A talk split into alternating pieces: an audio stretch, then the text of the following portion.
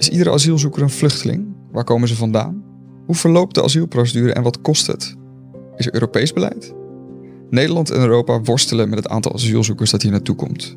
De afgelopen jaren werd duidelijk dat dit probleem zo complex is dat hier niet een snelle of makkelijke oplossing voor is.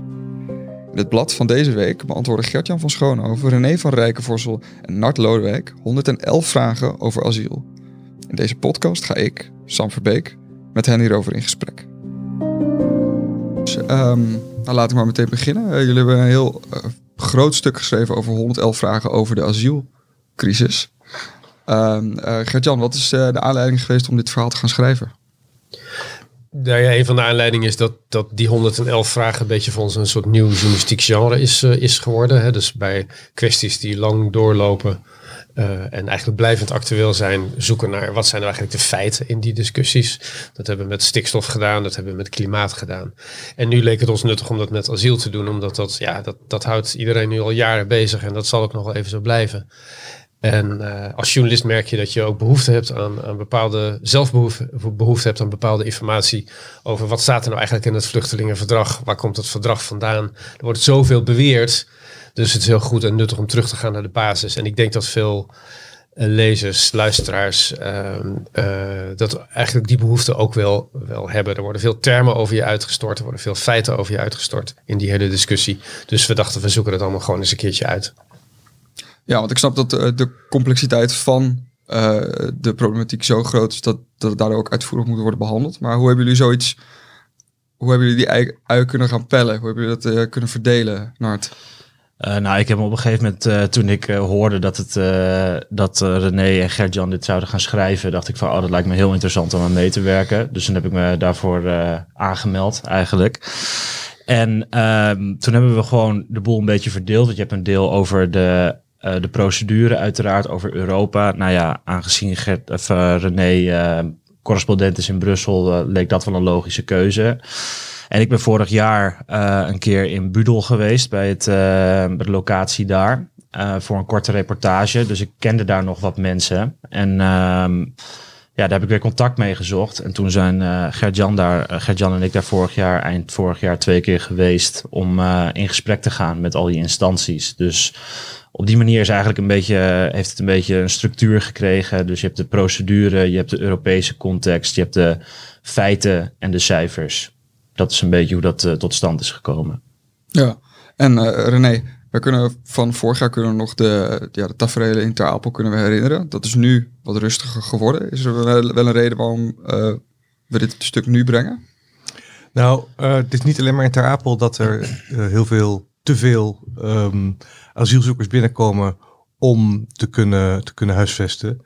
In uh, de stad waar ik woon, Brussel bijvoorbeeld, uh, daar heb je het klein kasteeltje. Daar slapen al maanden, al langer zelfs, slapen daar asielzoekers buiten. Alleen er wordt daar veel minder moeilijk over gedaan. Of moeilijk, dat wordt veel minder over geschreven in de pers dan, dan, dan hier. Kijk, hier hoeft er maar één asielzoeker buiten te slapen en alle talkshows staan op hun kop. Maar in in België is het al lang aanvaard dat het een feit is. Maar het is ook een feit dat in land, in land als België, land als Oostenrijk, Tsjechië, Nederland.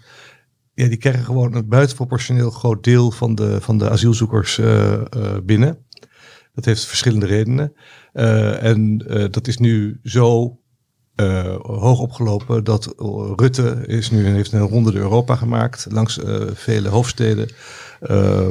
om die landen nou ja, om een soort gezamenlijk op te treden, op te trekken volgende week, 19 uh, februari in Brussel, tijdens de speciale asiel- en migratietop. Waar ze toch, nou, uh, toch wel eens even duidelijk willen maken dat er een keer iets moet gebeuren uh, op het Europese front. Uh, dat is te lang achterwege gebleven. De afgelopen maandag was Macron hier bij Rutte, hebben ze bij de Indiër gegeten. En daar is ook migratie gewoon een heel belangrijk onderdeel van het gesprek geweest. Want als, als Frankrijk zeg maar, ook deze landen steunt, dan heb je echt, kun je vuist maken binnen Europa volgende week. En um, om dan ook terug te gaan uh, naar de basis. In het begin van het artikel behandelen jullie een, een, scala aan verdragen die aan grondslag liggen van de, van de problematiek. En daarin staat ook dat het huidige internationale migratiebeleid is gebaseerd op uh, eigenlijk de situatie van kort na de Tweede Wereldoorlog. Uh, is dat al waar de, het fout gaat, Gert-Jan? Ik weet niet of het daar al fout gaat, maar dat is wel waar het, uh, waar het mee begonnen is, uh, inderdaad. Dus de, de, de, de, de, hele, de hele verdragsrechtelijke uh, situatie rond asiel begint inderdaad kort na de oorlog met alle ontheemden van de, die de Tweede Wereldoorlog had opgeleverd. Vooral in Duitsland. En er waren echt miljoenen mensen voorkomen displaced, uh, uh, zoals de Amerikanen dat, dat noemden. En daar moest een oplossing voor komen. En dus er moesten ook er moesten rechten geformuleerd worden. Er moesten plichten. wat is een asielzoeker? Wat is een vluchteling? Um, dat was de term. En hoe, hoe, hoe dienen landen daarmee om te gaan? Al dat soort basisprincipes zijn in dat vluchtelingenverdrag geformuleerd. Dat was tijdelijk bedoeld. Dat is later universeel gemaakt. Uh, maar goed, je leest veel ook wel in, in, in partijprogramma's van politieke partijen in Nederland dat het vluchtelingenverdrag wordt uh, opgezegd moet worden. Dat zit niet aan de linkerkant uiteraard van de politiek, maar dat zit vooral aan de rechterkant van de politiek. Ja, 21 wil dat, PVV, Forum. Uh, die willen het vluchtelingenverdrag opzeggen. Maar goed, een van mij, een van de eye-openers, je weet het ergens wel, maar dat is toch goed om dat nog weer te ontdekken, is dat dat ja, dan ben je, dan ben je er niet. Hè? Dus de, het vluchtelingenverdrag, kan je bijna zeggen, is het, is het probleem niet. Um, uh, het zit er meer in, in uh, wat dan heet regionale, maar in, in ons geval Europese toevoegingen. Europees verdrag, verdrag voor de rechten van de mens is heel bepalend. Europese richtlijnen zijn uh, heel bepalend. Europese handvest is heel bepalend. En de kwestie van de nareizigers die we net hebben gemaakt, hebben meegemaakt. Ja, waar de, de, de regering bakzeil heeft gehaald, heeft moeten halen voor de rechter. Uh, ja, daar speelt het vluchtelingenverdrag eigenlijk nauwelijks een rol. Dat waren vooral Europese, was Europese uh, verdragen en wetgeving uh, die daar doorslaggevend waren. Maar goed, we hebben ook wel, dat is het toch wel ontnuchterende ook wel een beetje van dit soort ondernemingen. Dat je ontdekt dat, ja, wil je verdragsrechtelijk iets aan de situatie doen, dan moet je eigenlijk uit de Europese Unie verlaten. Dat is, uh, dat is uh, er zijn alle, in het verleden allerlei mogelijkheden geweest om een opt-out te bedingen, bedingen, zoals de Denen dat hebben bijvoorbeeld voor asiel. Ja, die mogelijkheid heeft Nederland. Elsevier heeft dat altijd voor gepleit de afgelopen jaren. Nederland heeft die mogelijkheid laten lopen. En, en ja, nu zijn er eigenlijk heel weinig mogelijkheden om langs die kant iets aan de, aan de problemen te doen. Je ziet ook dat rond de hele asielproblematiek er ook een heleboel uh, ja, politieke uh, geruzie erover is. Um, dus ja, voor mijn eigen overzicht. Is er nou een asielcrisis of is het een, meer een opvangcrisis? Ik geloof dat René daar wel iets over Nou, ik, ik denk eerlijk gezegd dat de opvangcrisis komt voort uit de asielcrisis. De asielcrisis is er omdat we gewoon substantieel te, te veel uh, asielzoekers binnenkrijgen om te, her, om te huisvesten. Uh, om tijdelijk onderdak te verlenen zelfs. Uh, het eerst tijdelijk onderdak en dan daarna dus uh, huizen die er ook niet zijn. Dus we kunnen ze eigenlijk helemaal niet bieden wat we ze beloven. En Nederland krijgt gewoon een buitenproportioneel groot deel van de, van de asielzoekers die naar de Europese Unie komen. Krijgen we, krijgen we hier. Dat heeft verschillende redenen. En, en dat leidt ertoe dat er, ja, dat er wel degelijk sprake is van een asielcrisis. Want we, we kunnen, we, kunnen die mensen geen toekomst bieden in ons land. En, en er moet voor gezorgd worden op een of andere manier dat er ofwel minder asielzoekers binnenkomen uh, in Europa. Mensen die, dan, die eigenlijk ook niet in de procedure zouden moeten zitten, want ze, omdat, ze geen, uh, omdat ze toch geen kans hebben om asiel te krijgen. Die komen nu allemaal in de procedure. En in Nederland hebben ze nog buitenproportioneel veel kans om ook nog, om ook nog uh, de asielstatus te krijgen, vluchtelingenstatus te krijgen. Nederland keurt 85% van de, van de verzoeken goed. Dat is twee keer zoveel als in andere Europese landen. Dus dat heeft ook een enorme aanzuigende werking hier in Nederland. En dat, uh, nou ja, en dat maakte dat we nu in deze, in deze crisis zitten. Ja. Nee, ik, dat, ik wil nog in aanvulling er wel iets over zeggen. Want ik, ik denk dat René gelijk heeft. Kijk, je, je, het is een dwaalspoor om te spreken van alleen een opvangcrisis. Uh, want dat betekent dat je die hele discussie uh, concentreert al beperkt tot de problemen voor het COA, Centraal Orgaan uh, Opvang Asielzoekers. Maar als je in de cijfers duikt, dat hebben we ook gedaan, dan zie je dat bijvoorbeeld de IND, de Immigratie- en Naturalisatiedienst, die moet ja of nee zeggen tegen een asielverzoek. Ja, die, hebben, die hebben een achterstand van eind vorig jaar was dat geloof ik, ik zeg mijn hoofd 30.000 ja, zaken. Ja. Uh, en te weinig mensen hebben ze ook nog Ja, die hebben gewoon veel te weinig, maar die nemen honderden mensen aan. Dat is, dat, we, hebben, we hebben die mensen gesproken, Nart en ik. Dat is echt zwaar werk. Die moeten dat heel zorgvuldig doen. Die kunnen daar niet op, op beknibbelen. Um, uh, je, het, elke asielzoeker voor een IND-medewerker is, is, is een individu, is een mens, die, die heeft recht op zijn verhaal. Nou, dat is zwaar complex werk. Als je nu al een achterstand van 30.000 zaken hebt en de verwachting is dat het aan het einde van dit jaar, 2023, dat dat opgelopen zal zijn naar 50.000, dan zie je dat het een systeemcrisis is van een systeem dat de aantallen gewoon niet kan processen, niet kan verwerken. En het klinkt kil, maar het is een feit. En we hebben ook mensen van de politie gesproken. De vreemdelingenpolitie heeft een hele cruciale rol uh, aan het begin uh, van de hele asielketen. Ja, het legde zwaar beslag op de politieorganisatie. En als de, als de aantallen zo blijven, dan gaat die politie dat ook niet meer trekken. En bovendien, dat is een kwestie van prioriteiten. Hè? Want die, al die agenten kunnen iets anders niet doen. Dus het is, het is echt onzin en, en een valse voorstelling van zaken om te zeggen dat het alleen een, gebrek aan opvang is. Het, is, het, is, het zit dieper. Het is niet voor niks dat, dat vorige week de, de justitie en de politie en de IND en COA gezamenlijk hebben gewaarschuwd voor een ontwrichting van de samenleving als het zo door blijft gaan. En dat is toch, dat is toch wel vrij heftig. Dat is toch, nou, dan heb je toch wel echt een asielcrisis te pakken, lijkt mij. Het is wel een waarschuwing, maar het is wel een serieuze waarschuwing. Want die diensten zijn allemaal super loyaal. Hè? Dus dat hebben wij ook gemerkt. En als die dus extern zullen ze dus niks zeggen. Maar intern hebben ze toch wel gewaarschuwd voor dat dit gewoon niet goed gaat. Ja. En die, die arme Erik van den Burg, die nu misschien eindelijk zijn dwang- of spreidingswet krijgt, gaat dat enige verlichting bieden? Nou, dat is dus niet de oplossing hier. Want um, als het moment dat je meer opvang moet gaan realiseren, moet je heel die keten uitbreiden. En die keten die loopt nu al helemaal vast. Vorig jaar hebben we 47.991 mensen erbij gekregen over een heel jaar. Daar is 10.000 mensen daarvan zijn alleen al nareizigers. Zijn mensen die binnengekomen. Iedereen doorloopt dezelfde procedure. Dus iedereen moet uh, geïdentificeerd worden en geregistreerd worden door de AVIM. Iedereen moet door de IND en die komen allemaal in een verlengde asielprocedure terecht. Dus die um, locaties, die centrale opvanglocaties, die zitten gewoon helemaal vol. Dus um, volgens mij had Erik van den Burg gereageerd met... Um, ja, ik zie het probleem niet zo. Of ik, ik maak me geen zorgen om die ontrichtende, uh, ontrichtende werking, maar dat kan ik me toch haast niet voorstellen. Er zijn wel een paar dingen waar ze aan werken. Hè. Dus dat, maar dat is. Kijk, die hele, wat, wat, wat natuurlijk het probleem is, is dat de, de, de Van Burg in die zin vorig jaar goed, goed, goed werk gedaan heeft. Dus dat hij gezorgd heeft dat er uiteindelijk dat de, opvang wel geregeld is. Maar dat is natuurlijk allemaal, dat zijn allemaal labmiddelen. En de oplossingen zijn allemaal houtje touwtje. En dat komen ze nu tegen. Hè. Dus een van de, van de uh, meest effectieve maatregelen tegen de mensen buiten uh, in Te Apel was het inrichten van een soort, dat heet een voorportaal. De, de, termen vliegen om de woorden in de wereld. maar uh, voor de mensen die in de rij moesten wachten in Ter Apel. Dat hebben ze gedaan op het defensieterrein Marnewaard. Daar konden honderden mensen terecht. Maar daar is een contract gesloten met de gemeente tot maart. En ik ben de gemeente geweest, de burgemeester gesproken. Dat houdt in maart op. En zo zijn er heel veel van dat soort tijdelijke houtje-touwtje oplossingen uh, bedacht. Die werken, ja, garantie tot de brug, zeg maar. Uh, maar er moeten allemaal weer nieuwe oplossingen voor gevonden worden dit, dit, dit jaar. En dat moet Van de Burg gaan doen.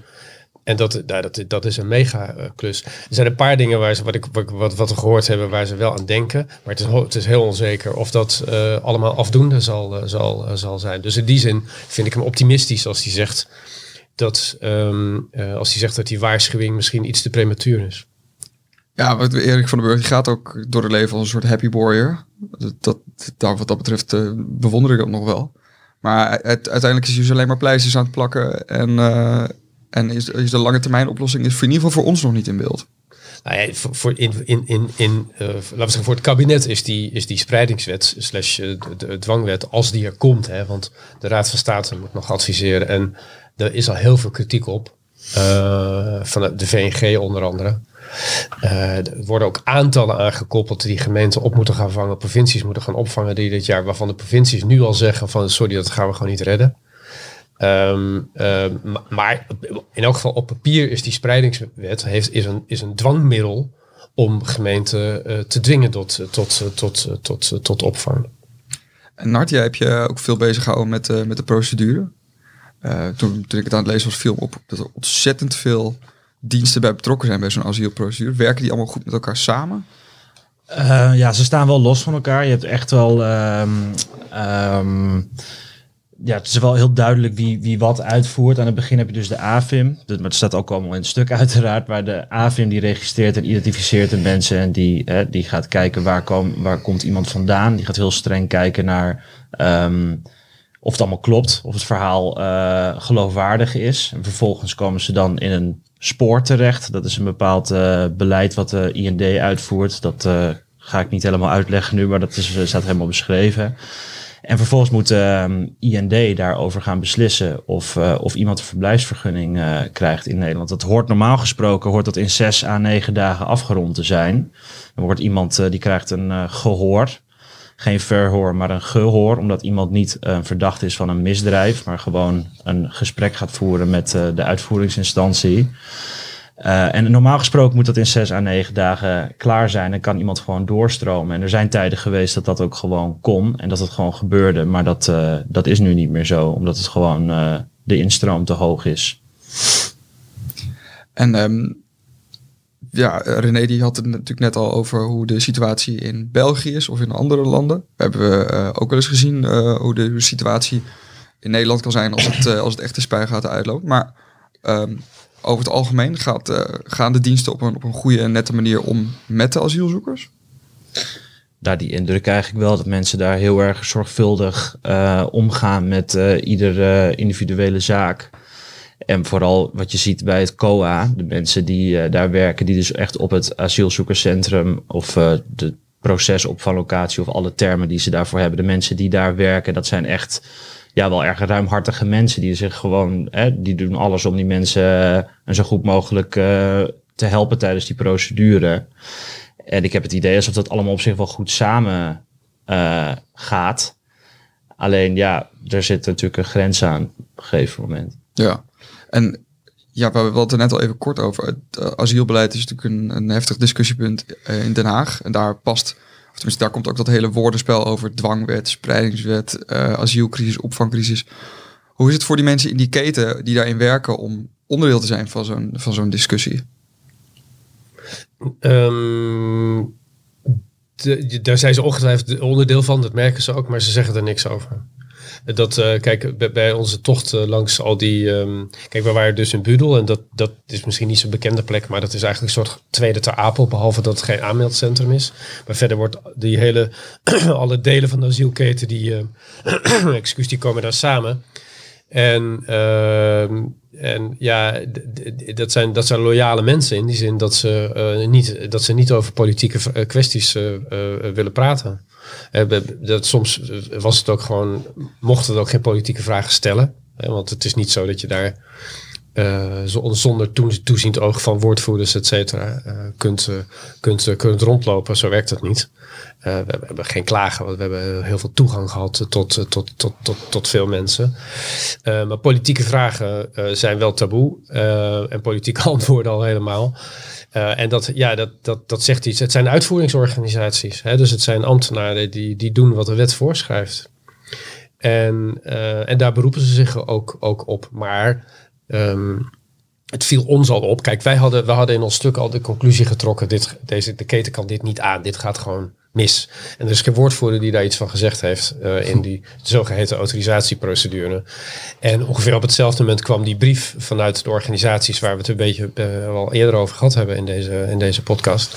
Uh, ja, dus, het, dus extern uh, houden ze de façade goed, maar intern waarschuwen ze gewoon Den Haag voor wat er te gebeuren staat. En dus dat ze het niet zeggen, wil niet zeggen dat ze niet in de gaten hebben dat er dingen niet goed gaan. Integendeel, dat hebben ze heel goed in de gaten.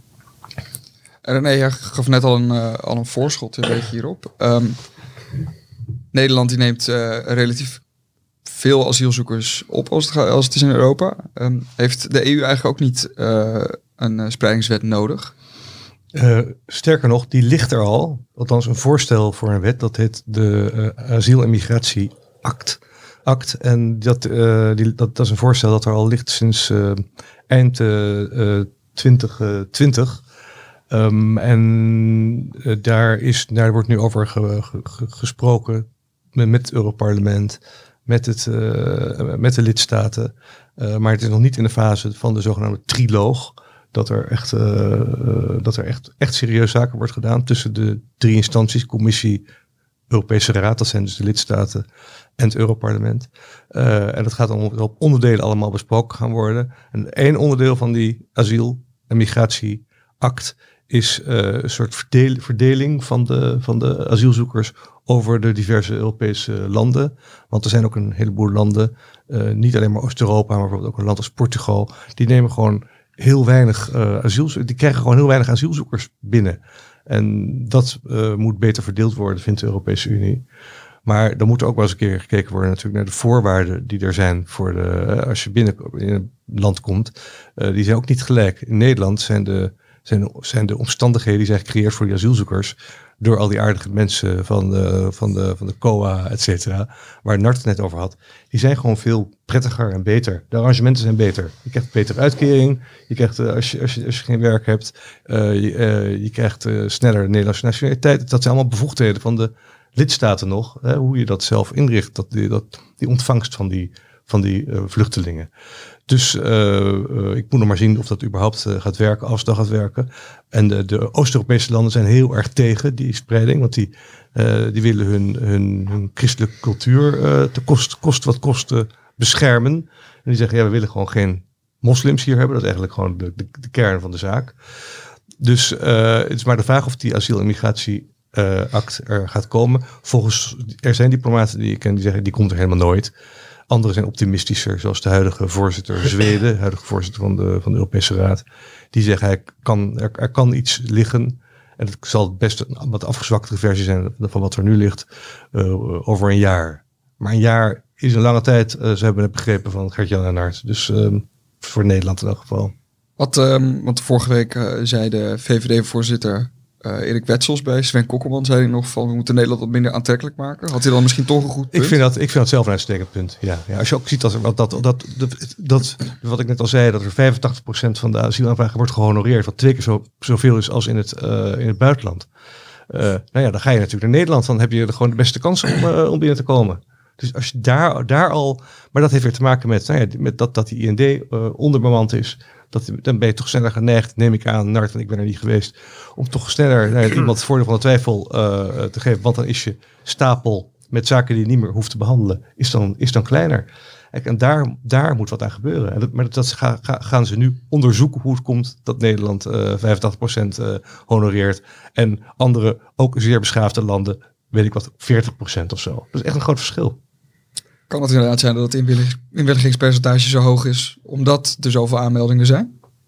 Ja, dat weet ik eigenlijk niet of dat zo is. Het is in ieder geval zo dat mensen die in spoor 4 terechtkomen, dus die krijgen een normale asielprocedure en je uh, telt die allemaal bij elkaar op. Kijk ik heel eventjes naar Gert-Jan, dan is dat inderdaad zo'n 80%. Dus dat zijn echt mensen die moeten hun verhaal nog uitleggen. Hè? Die zijn gewoon binnengekomen. Die moeten bij de IND vertellen wat ze hebben meegemaakt. Of ze worden vervolgd in een land van herkomst.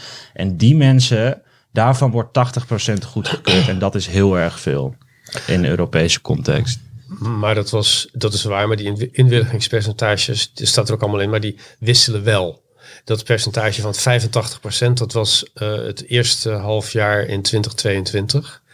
En uh, dat zegt ook iets, en dat is wel een aspect waar, wat, wat mij toch wel integreert en wat wel een rol speelt. Dat is toch die, die mensensmokkel die erachter zit.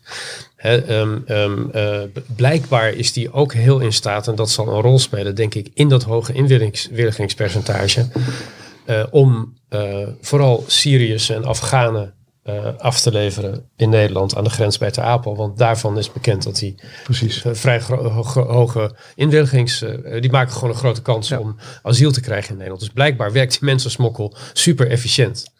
En, um, en die mensensmokkel, daar hebben we eigenlijk helemaal geen zicht op. Wat, wat, wat we, we, hebben wel gevraagd van hoe komen mensen eigenlijk in Ter Apel? Ja, de burgemeester van Ter Apel weet het eigenlijk niet. de COA weet het eigenlijk ook niet. Um, en er worden ook wel, er worden ook wel mensen, smokkelaars, als je daarin verdiept, vaak mensen, smokkelaars aangehouden en, en, en opgepakt. Maar daar zit toch echt het grote probleem. Het aantal asielzoekers dat zich regulier meldt in Nederland, dat zijn er een paar honderd. Maar er is ook een ander, een ander probleem natuurlijk. eh, je kunt niet in Ter Apel komen zonder door een ander Europees land te Ja, zijn precies, gereisd. ja, ja. Nee. Dus die mensen zijn allemaal ergens over de grens van, van Europees, in Oost-Europa of Zuid-Europa zijn ze een grens gepasseerd. En normaal gesproken, als je een grens passeert, dan moeten die landen, dat staat in de zogenaamde Dublin-convenant, moeten die landen moeten gewoon die mensen registreren en een vingerafdruk maken, et cetera. En, en eigenlijk staat er in die Dublin-convenant ook dat die mensen in dat land dan asiel moeten aanvragen. Maar wat doen die landen? Dat zijn dus mede EU-lidstaten, hè, let's face it. eh, Die, die zeggen tegen die, eh, tegen die mensen die binnenkomen, zeggen ze van, eh, reis lekker door. Die, die ze worden dus niet geregistreerd, er wordt geen vingerafdruk genomen. En dan op een moment staan ze in Nederland en zeggen ze, ja, wij zijn hier. Dit is eh, het eerste land waar wij asiel aanvragen. Maar dat klopt natuurlijk helemaal niet. Dus die hele Dublin-convenant, die dat, dat, dat, dat hele Dublin leeft, dat bestaat eigenlijk niet, de facto niet meer. Maar het is nog wel beleid. Dus eigenlijk moest Nederland, die mensen moeten zeggen, eh, nou ja, waar ben je binnengekomen? Dan zeggen ze misschien, weet ik wat, eh eh, zeggen ze Bulgarije. Of dan zeggen ze, oké, dan zouden die mensen echt terug moeten naar Bulgarije. Maar dat gebeurt dus niet. En, en daarbij ook nog eens een keer dat Nederland, als je dan in Griekenland bent binnengekomen, dan, dan stuurt Nederland je niet eens terug, want de Griekse, de Griekse opvang wordt onvoldoende geacht. En Italië neemt ze niet terug. Nee, nee, nee. Dus dat, dat, dat is de, dat is de beetje de, de, de, de situatie. Hè? Dus, dus naast misschien aantrekkelijkheid van Nederland speelt zeker dat wat ongetwijfeld een rol speelt. Er wordt ook reclame gemaakt van Nederland door mensensmokkelaars. maar eh, een, de, de, de falende afspraken, het falen van afspraken binnen Europa is Ja. een hele zware factor. Dus in die zin, ehm, eh, in die zin heeft het kabinet en heeft Van den Burg ook gelijk als die zegt er moet in Europa wat gebeuren. maar het probleem is dat het makkelijker gezegd dan gedaan is. Maar ik, we hopen, ja, ik hoop wel, als ik al die berichten lees, hè, de, de, net justitie in Stockholm is net eh, overleg Ja. geweest. Eh, er komt een top, het overleg tussen Rutte en Macron. Misschien is het allemaal voor de bühne, maar je, je hebt toch wel het gevoel dat er iets meer sense of urgency is eh, eh, bij het kabinet, ook om dat intern in Europa uit te dragen, om, om er nu toch echt eens een keer serieus naar te gaan kijken. Maar ja, ik, ik kijk, Ja, dan gaan ze, ik zie René sceptisch nou ja, ze gaan, gaan nu dus die, die, die, die kijk, dat asiel- en migratiepact dat is er voorlopig nog niet. Dus ze moeten een beetje onconventionele maatregelen moeten gaan nemen. Nou, dan, dat betekent dan echt eh, op een, sporenbeleid dat je aan de ene kant de landen van herkomst van die asielzoekers eh, vreselijk onder druk gaat zetten. Dat je zegt, eh, we, we gaan de, jullie krijgen geen visa meer. Of dat we gaan de visa eisen zo hoog maken dat eigenlijk bij jullie feitelijk niemand nog een visum krijgt. Uh, ontwikkelingshulp gaat, gaat eraan. En we, heel veel landen hebben een soort preferred partnership met, met, met Europa. Die hebben dus hele goede handels, handels, grote handelsvoordelen. Nou, zeg je ook, daar kappen we mee. Dus je gaat die landen op een manier onder druk zetten, zodat ze echt denken van oké, dit, dit treft mij echt. Ik ga nu eventjes en mensen terugnemen, want dat doen ze niet. En ervoor zorgen dat er minder mensen naar, naar, naar de Europese Unie eh, reizen. Nou, dat is een, on, dat is een dit is niet eens een onconventionele maatregel. Het is een maatregel, gewoon gebruik maken van de mogelijkheden Ja. die je hebt. Een andere waar, ding waarover serieus nu over wordt gepraat, is gewoon toch een hek. Echt een hek. En het, er zijn al delen van Europa die al een hek hebben. Eh, eh, en dat er een hek komt en dan wel, zoals Van den Burg ook zei, zei in een interview vorige week, wat ik ook citeer in het stuk, wel, er moeten dan wel een paar deuren in dat hek zitten, waar dan een asielzoeker asiel kan vra- aanvragen. Maar dan staat hij wel aan de andere kant van het hek nog, zou ik maar zeggen. Zo heeft hij minder, minder, eh, komt hij minder makkelijk binnen, want dan moet ze dan daar de procedure moeten zijn. Nou, dat zijn ideeën die nu leven, maar zo'n hek, dat staat natuurlijk ook niet 1, 2, 3. En is weer de vraag, wie gaat het betalen, et cetera. Dat, nou ja, dat gaat allemaal... Een, dus ik denk dat dit jaar nog een heel zwaar jaar gaat worden voor, eh, voor, voor, voor het kabinet. En eh, om, eh, ja, om, met deze asielcrisis is, is voorlopig nog niet voorbij. Nee, en veel van de, van de reizigers die hier naartoe komen, die komen natuurlijk inderdaad aan in Italië en Griekenland. Ehm, Maar vergeet, de Balkanroute niet, hè? Dus, ja, natuurlijk. ja. Maar het, eh, als, als er zou worden afgesproken in Europa dat, eh, dat Dublin, het Dublin-convenant wel wordt nageleefd, dan zouden die landen toch helemaal, die, dan zouden die landen toch een enorme asielcrisis hebben. Die, kunnen, die zouden dat ook niet allemaal aankunnen. Want dan heb je het beter verdeeld. Kijk, eigenlijk zijn er, een beetje, het is eigenlijk, zijn er twee verdeelvraagstukken in één. Hè? Binnen, binnen Europa, maar in zekere zin ook binnen Nederland. Want in Nederland zijn er altijd gemeenten Ja. die het wel doen. En er zijn altijd gemeenten die, het, die geen opvang willen. Dat is hier precies. Dus je hebt in, in, in Nederland een heleboel gemeenten die, zijn, die zeg maar een soort Hongarije zijn. Eh, eh, en binnen, binnen de Europese Unie heb je precies hetzelfde. En dus voor in die zin is het ook een, een, een, inderdaad een spreidingskwestie, zou je kunnen zeggen. Maar omdat die spreiding niet functioneert, binnenlands niet, eh, en ook binnen Europa niet, komen de, de mensen op hele specifieke plekken eh, eh, eh, terecht. En, en, en in grote aantallen. Als je dat beter zou kunnen spreiden, dan zou misschien de druk op het systeem minder zijn. Nog los van hoe je verder erover denkt. Maar er zit een speidingsaspect eh, aan de hele kwestie. En eh, we hebben nu even redelijk op, echt op Europees gebied uitgezoomd. Om toch eventjes terug te gaan naar hoe het voor jullie is geweest om zo'n enorm pro- probleem als dit te behandelen. Ehm, eh, wat, wat zijn er specifieke misvattingen die jullie zijn tegengekomen eh, op dit onderwerp, Nart? Ehm, nou, wat mensen nog wel eens denken is dat bij de DTNV, dus de dienst terugkeer en vertrek, dat mensen, ge- hè, dat, je, dat je uitgeprocedeerd bent, eh, dat je gelijk wordt geacht, of dat je zo snel mogelijk het land wordt uitgezet. Dat is eigenlijk helemaal niet zo. Het is altijd op basis van vrijwillig. Wat was de quote ook alweer, het motto? Vrijwillig als het kan, Kan. gedwongen als het moet. En dat, eh, dat is precies hoe het gaat. En dat, ja, ja, dan denk je eigenlijk, oké, iemand is uitgeprocedeerd, ehm, klaar. We gaan nu ervoor zorgen dat diegene Nederland gaat verlaten. Maar zo werkt dat niet. Daar gaat nog heel veel. eh, dat duurt soms, dat kan wel jaren duren voordat iemand echt uitgezet kan worden, omdat ehm, eh, allemaal NGO's zich ermee gaan bemoeien en dergelijke. Dus dat is ook nog een heel erg ingewikkeld proces. En voor de rest, met andere misvattingen, ja. Ik Jo, weet, ja. Zijn er hardnekkige mythes rond het onderwerp? Nou, wat, wat dat een misvatting is, of een, of een, of een mythe is, dat elke asielzoeker een vluchteling is. Dus in de ta- taalgebruik eh, heb je, heeft, heeft iedereen het altijd over vluchtelingen. Noemt iedereen elke asielzoeker een vluchteling. Maar dat is natuurlijk helemaal niet waar. Een heleboel asielzoekers zijn helemaal geen vluchteling. Die willen wel een beter leven hebben hier. Maar die zijn niet per se op de vlucht voor, voor, voor de, de omstandigheden zoals die zijn genoemd in het, eh, in de, in het, vluchtelingen, heet het vluchtelingenverdrag.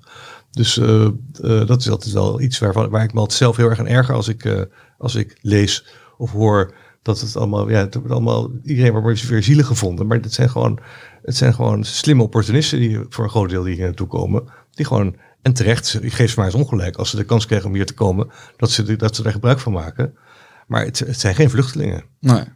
Maar als ze de juridische status van vluchteling krijgen, zijn ze dat, zijn ze wel. zijn ze dat wel. Ja. Eh, en, en, en die hoge inwilligingspercentages eh, die op dit moment in Nederland zijn, Ja. dat betekent dat, ze voldoen aan, eh, dat mensen voldoen aan de juridische status van, van vluchteling.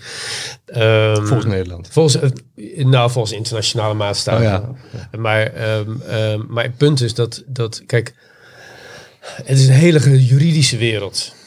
En, en, en eh, eh, gebaseerd op mensenrechten.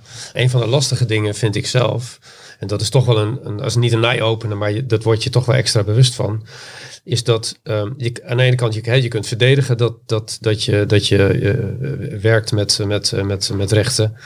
Eh, maar het grote probleem is dat de mensen die er niet aan voldoen, dat het systeem dat niet kan handelen. Dus, dus er is eigenlijk geen sanctiemogelijkheid of geen.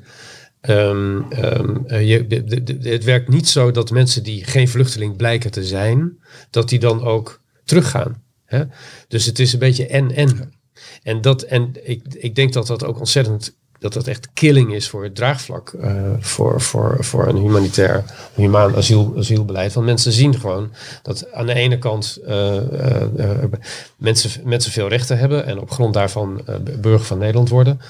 Maar aan de andere kant, de mensen die helemaal niet, eh, die gewoon eh, eh, fraudeurs zijn, zou ik maar zeggen, of, of gelukzoekers, hoe je ze ook allemaal wil noemen, ja, die, die, die blijven hier ook. Hè? Dus het blijkt, blijkt toch godsonmogelijk om... oorlogsmisdadigers zelfs. Of zelfs oorlogsmisdadigers, de een, de een, de een effers.